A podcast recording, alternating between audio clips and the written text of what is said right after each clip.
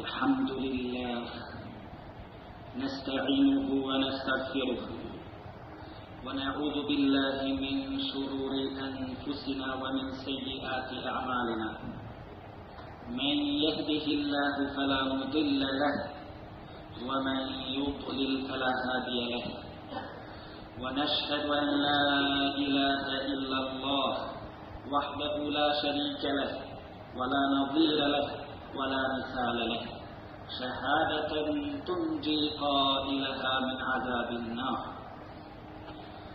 الحمد لله الذي قال في كتابه الكريم أستعذ بالله إن الدين عند الله الإسلام وما اختلف الذين أوتوا الكتاب إلا من بعد ما جاءهم العلم بغيا بينهم ومن يكفر بآيات الله فإن الله سريع الحساب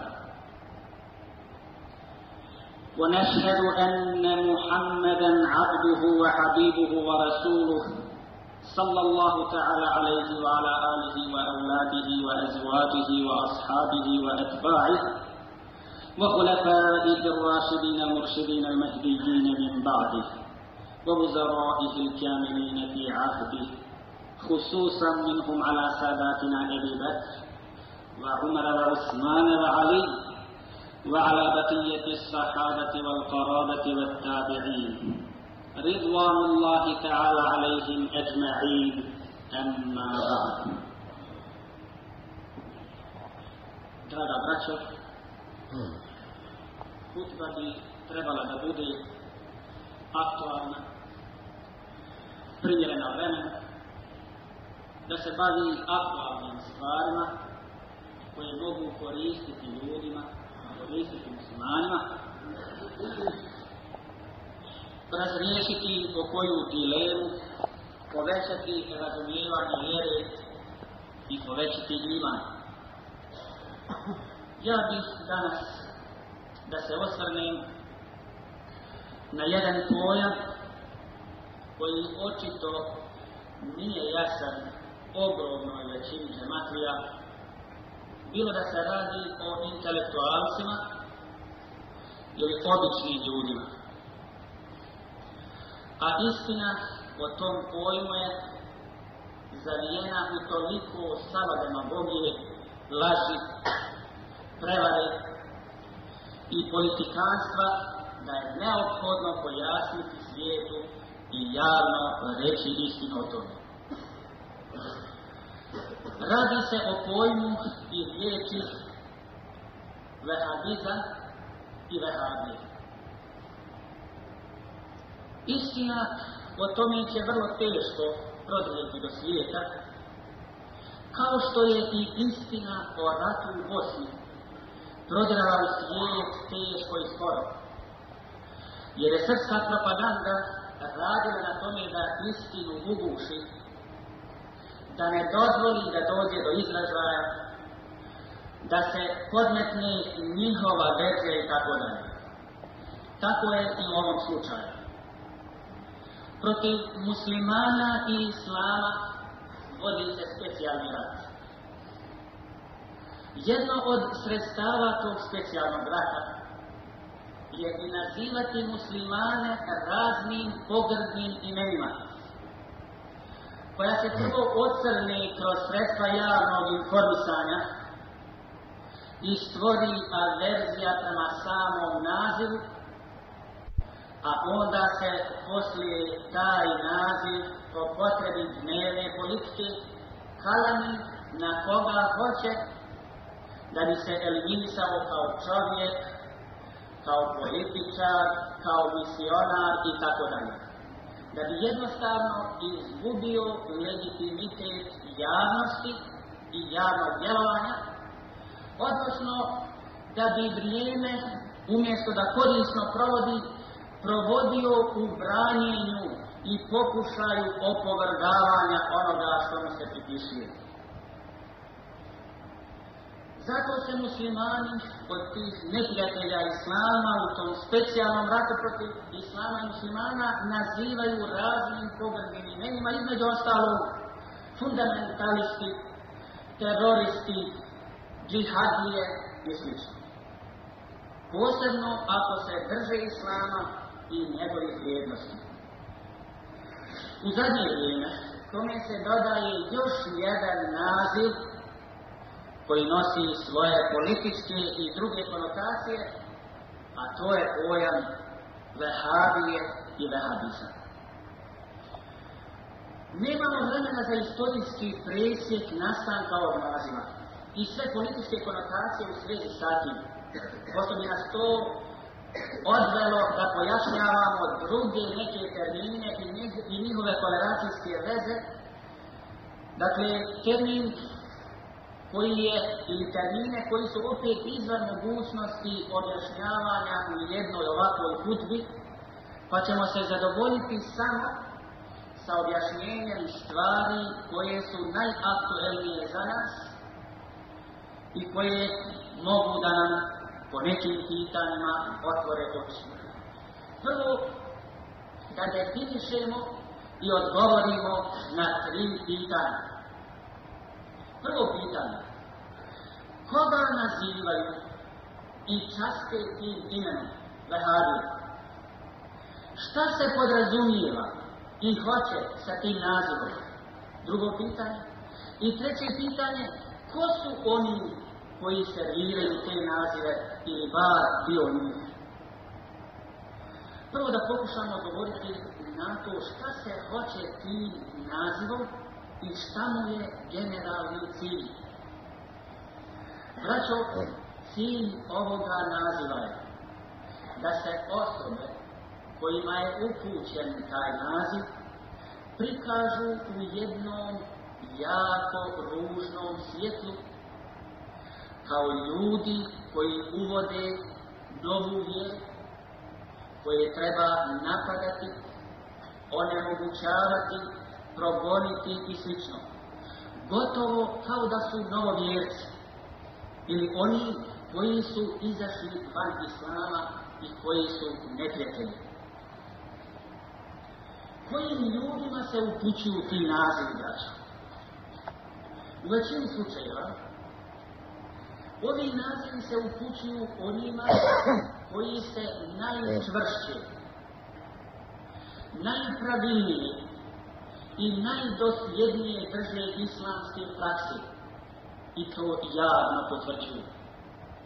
Dakle, onima koji nose brade, koji najredovnije dolaze u džamiju na namaz, koji drže do sunneta poslanika ili sela, dižu ruke u namazu po predajama koje su došle od poslanika Muhammeda sallallahu alaihi wa sallam, oni koji naglas glas u namazu izgovaraju amin i slično. Taj naziv se upućuje i teolozima, kao i profesorima islamskih znanosti, sa najvišim akademskim titulama, magisterijima i doktoratima, koji su završili na najelitnijim islamskim univerzitetima u arabskom svijetu, a posebno u Saudijskoj Arabiji. Ovdje, kod ovog problema i ove problematike, bitno bi bilo vidjeti da li su pogrdni nazivi, vehabije, vehabizam i slično, koji se upućuju tim ljudima, odgovaraju i odnose se na njih. I da li ima smisla ih nazivati tako? Prvo da vidimo kakvi su pod navodnim znacima prestupi tih ljudi, pod navodnim znacima njegove greške, ali da to vidimo u svijetu šarijeta, u svijetu Kur'ana i sunneta, radi kojih bivaju očašeni tim imenom i nazivom. Pa da onda donesemo islamski stav o tome. Nazivaju ih braćo tim imenima radi nošenja brana. Podbrojem jedan a braćo u najvjerodostojnijim knjigama hadisa, drugom vjerskom izvoru bez koga nema islama. Buharijevom i muslimovom sahihu se kaže, Kale Rasulullahi sallallahu alaihi wa sallam, Halikul musrikine, Uvfiru liha vahku sevaru, Zadan Buhari, Vatjane ibn Umar, Iza hadze, Ebi Atanar, قدب على لحيته كما قضل أحد Rekao je poslanik alaihi sallam, dakle vjerodostojna predaja koja se nalazi u Buharijevom i muslimovom sahihu, razlikujte se od nevjernika, ostavljajte vaše grade, nemojte ih prijeći, uzimajte od vaših brkova i stračujte ih. I Buharija još dodaje na ovaj hadis, nije tu završio hadis, a Ibni Omer ili sin Omera radijallahu an, bi kada bi išao na hađ i na umru, znao uzeti za svoju bradu šaku, pa ono što bi preticalo te šake otkinuti. Braćo, islamski pravnici, fakiri, su na temelju ovoga hadisa i imperativne naredbe o puštanju bradi rekli da je to obaveza. Vađi i da je prijanje haram. Prema tome, oni koji puste bradu, braći, slušajući poslanika Ali i njegovu naredbu, zovu se muslimani, braći. Oni se zovu muslimani. Ne zovu se vehabije, braći. Puštanje bradi Bogu ugodno djelo. Oni nisu novotari u vjeru. Samo slušaju naredbu poslanika, alaihi sallam. A on je jedini koji je od Allaha Đalešanhu postavljeni zakonodavac u šerijatskim i badetskim stvarima. Nazivaju ih vehabik, Zato što dolaze u džaniju i džemat ili klanjuju također, mlade osobe i slično, šta će oni stavu po džaniji? Braća, prenosi se predaja o vrijednosti dolaska u džaniju na džemat ili namaz, pa se kaže također u vjerodostojnoj predaju. A Ibn Umar radijallahu anhuma inna Rasulallahu sallallahu alaihi wa sallam kal Salatul džemati akbalu min salatil fezbi bi sebi ve išrine darađa. Od Ibni Omara se prenosi da je poslanik Karim Selan rekao Klanjati namaz u džematu je vrednije za 27 puta od namaza posebno samo. I ovaj hadis prenosi i Buharija i Muslim.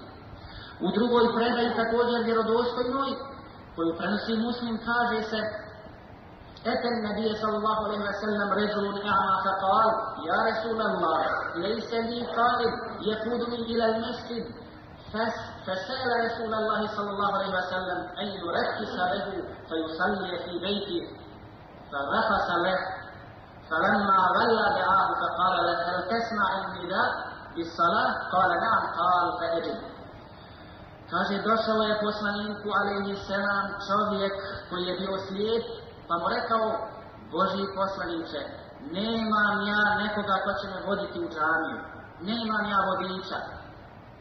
Dozvoli mi da ne dolazim na nama džematile.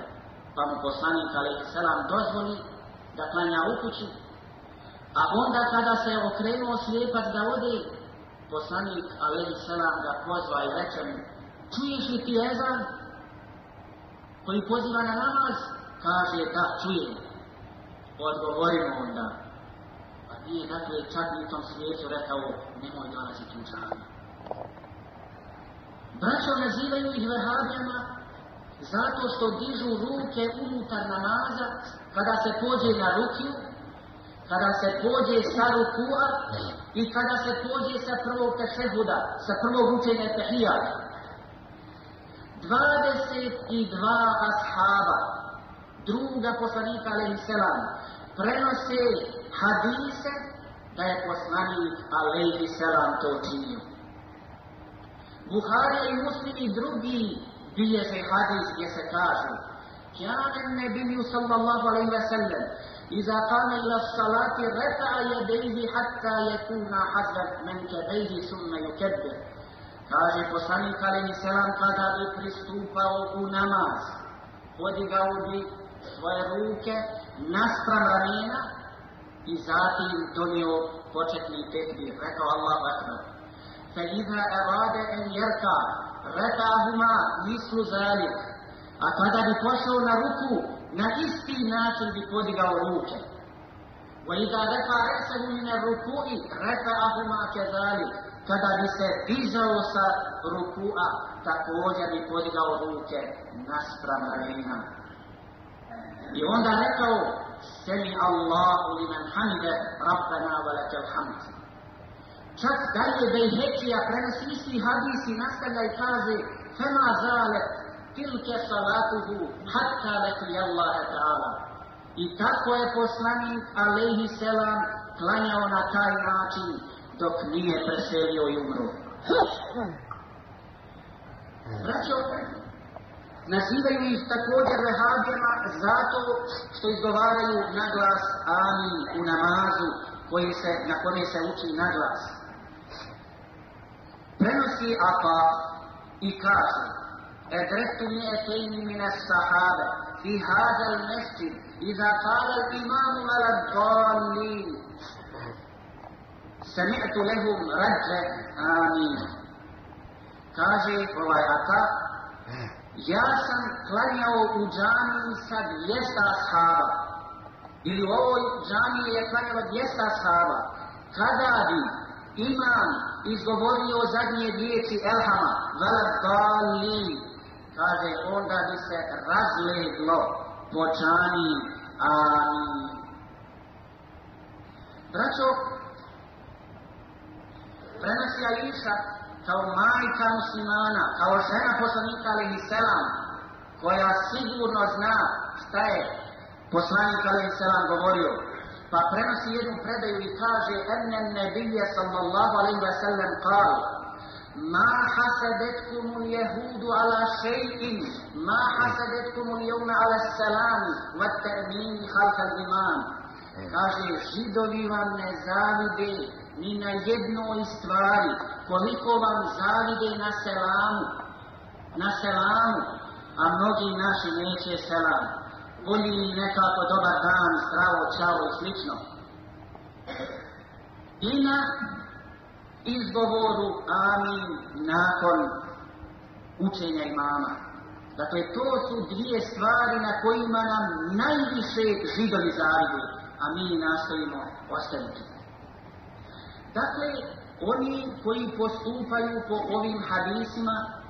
i ovim sunnetima poslanika Ali Miselam su muslimani koji slušaju poslanika Ali Miselam i takvi se nazivaju muslimanima, ne vehabijama i ne novotarima u vijek. I blago onima, braćo, blago onima koji slušaju poslanika Ali Miselam. Yeah i pokoravaju mu se. A pa teško, teško onima,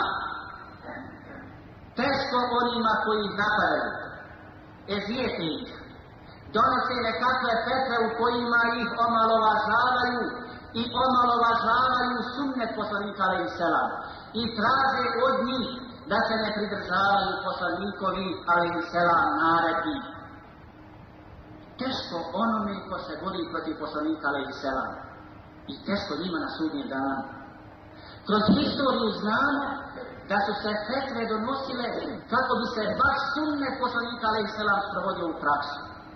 Danas je obratno izgleda. I nema toga autoriteta. Ni političkog, ni vještog, koga treba slušati kada njihove odredbe idu direktno protiv odredbe poslanika ali i sela i koje su u sukobu sa vjerodostojnom predajom od poslanika Ali Sela. Ko su oni, ako je poslanik Ali Sela? Pa najveći učenjaci Islama, kroz historiju uopće, velikani poput Ebu Hanite, Šafi i drugi su znali reći, ako je moj stav oprećan vjerodostojnoj predaj od poslanika Ali Sela, onda mojim mišljenjem udarite odsid, odbacite ga, a prihvatite se sunneta poslanika ili sanan.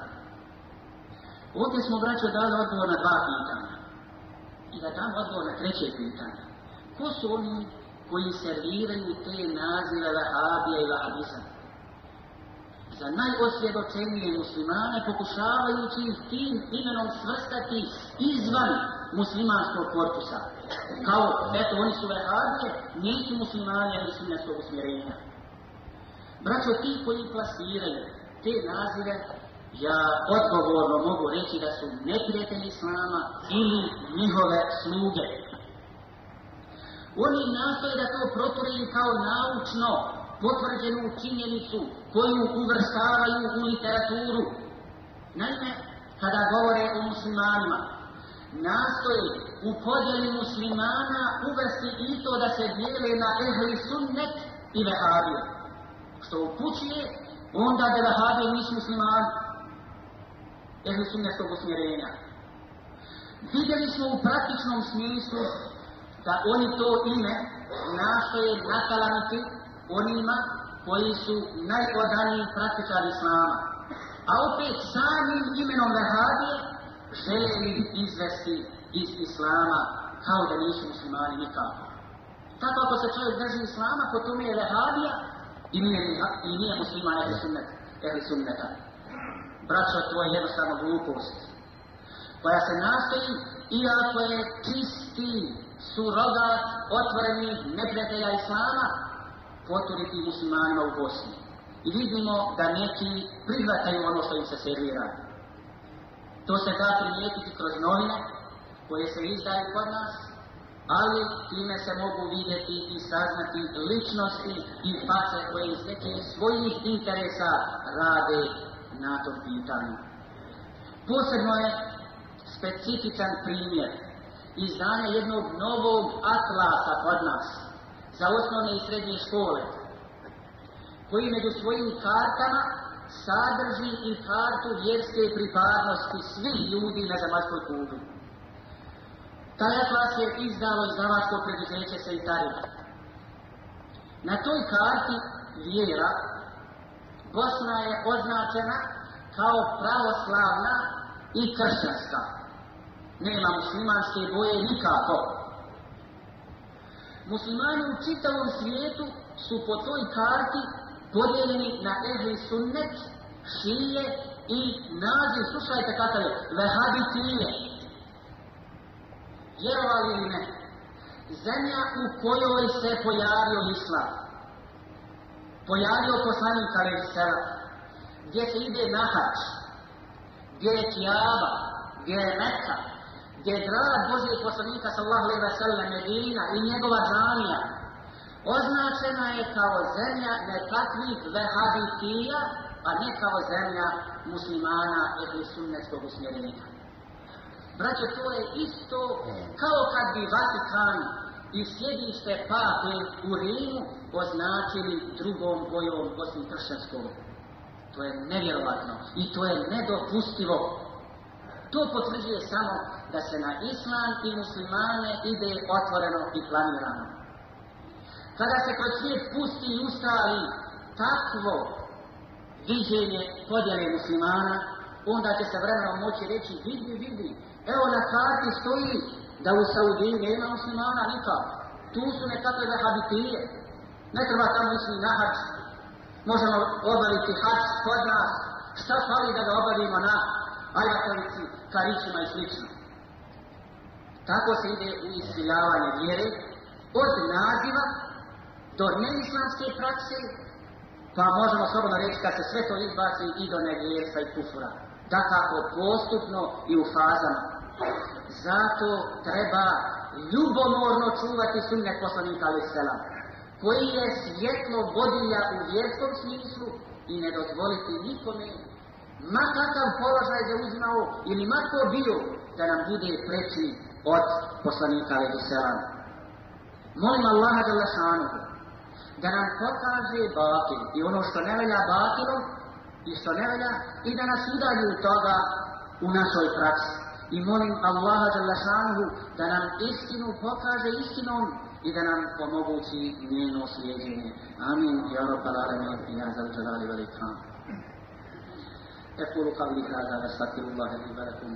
ولسائر المؤمنين والمؤمنات والمسلمين والمسلمات الأحياء منهم والأموات برحمتك يا أرحم الراحمين إن الله هو الغفور الرحيم فاستغفروه وتوبوا إليه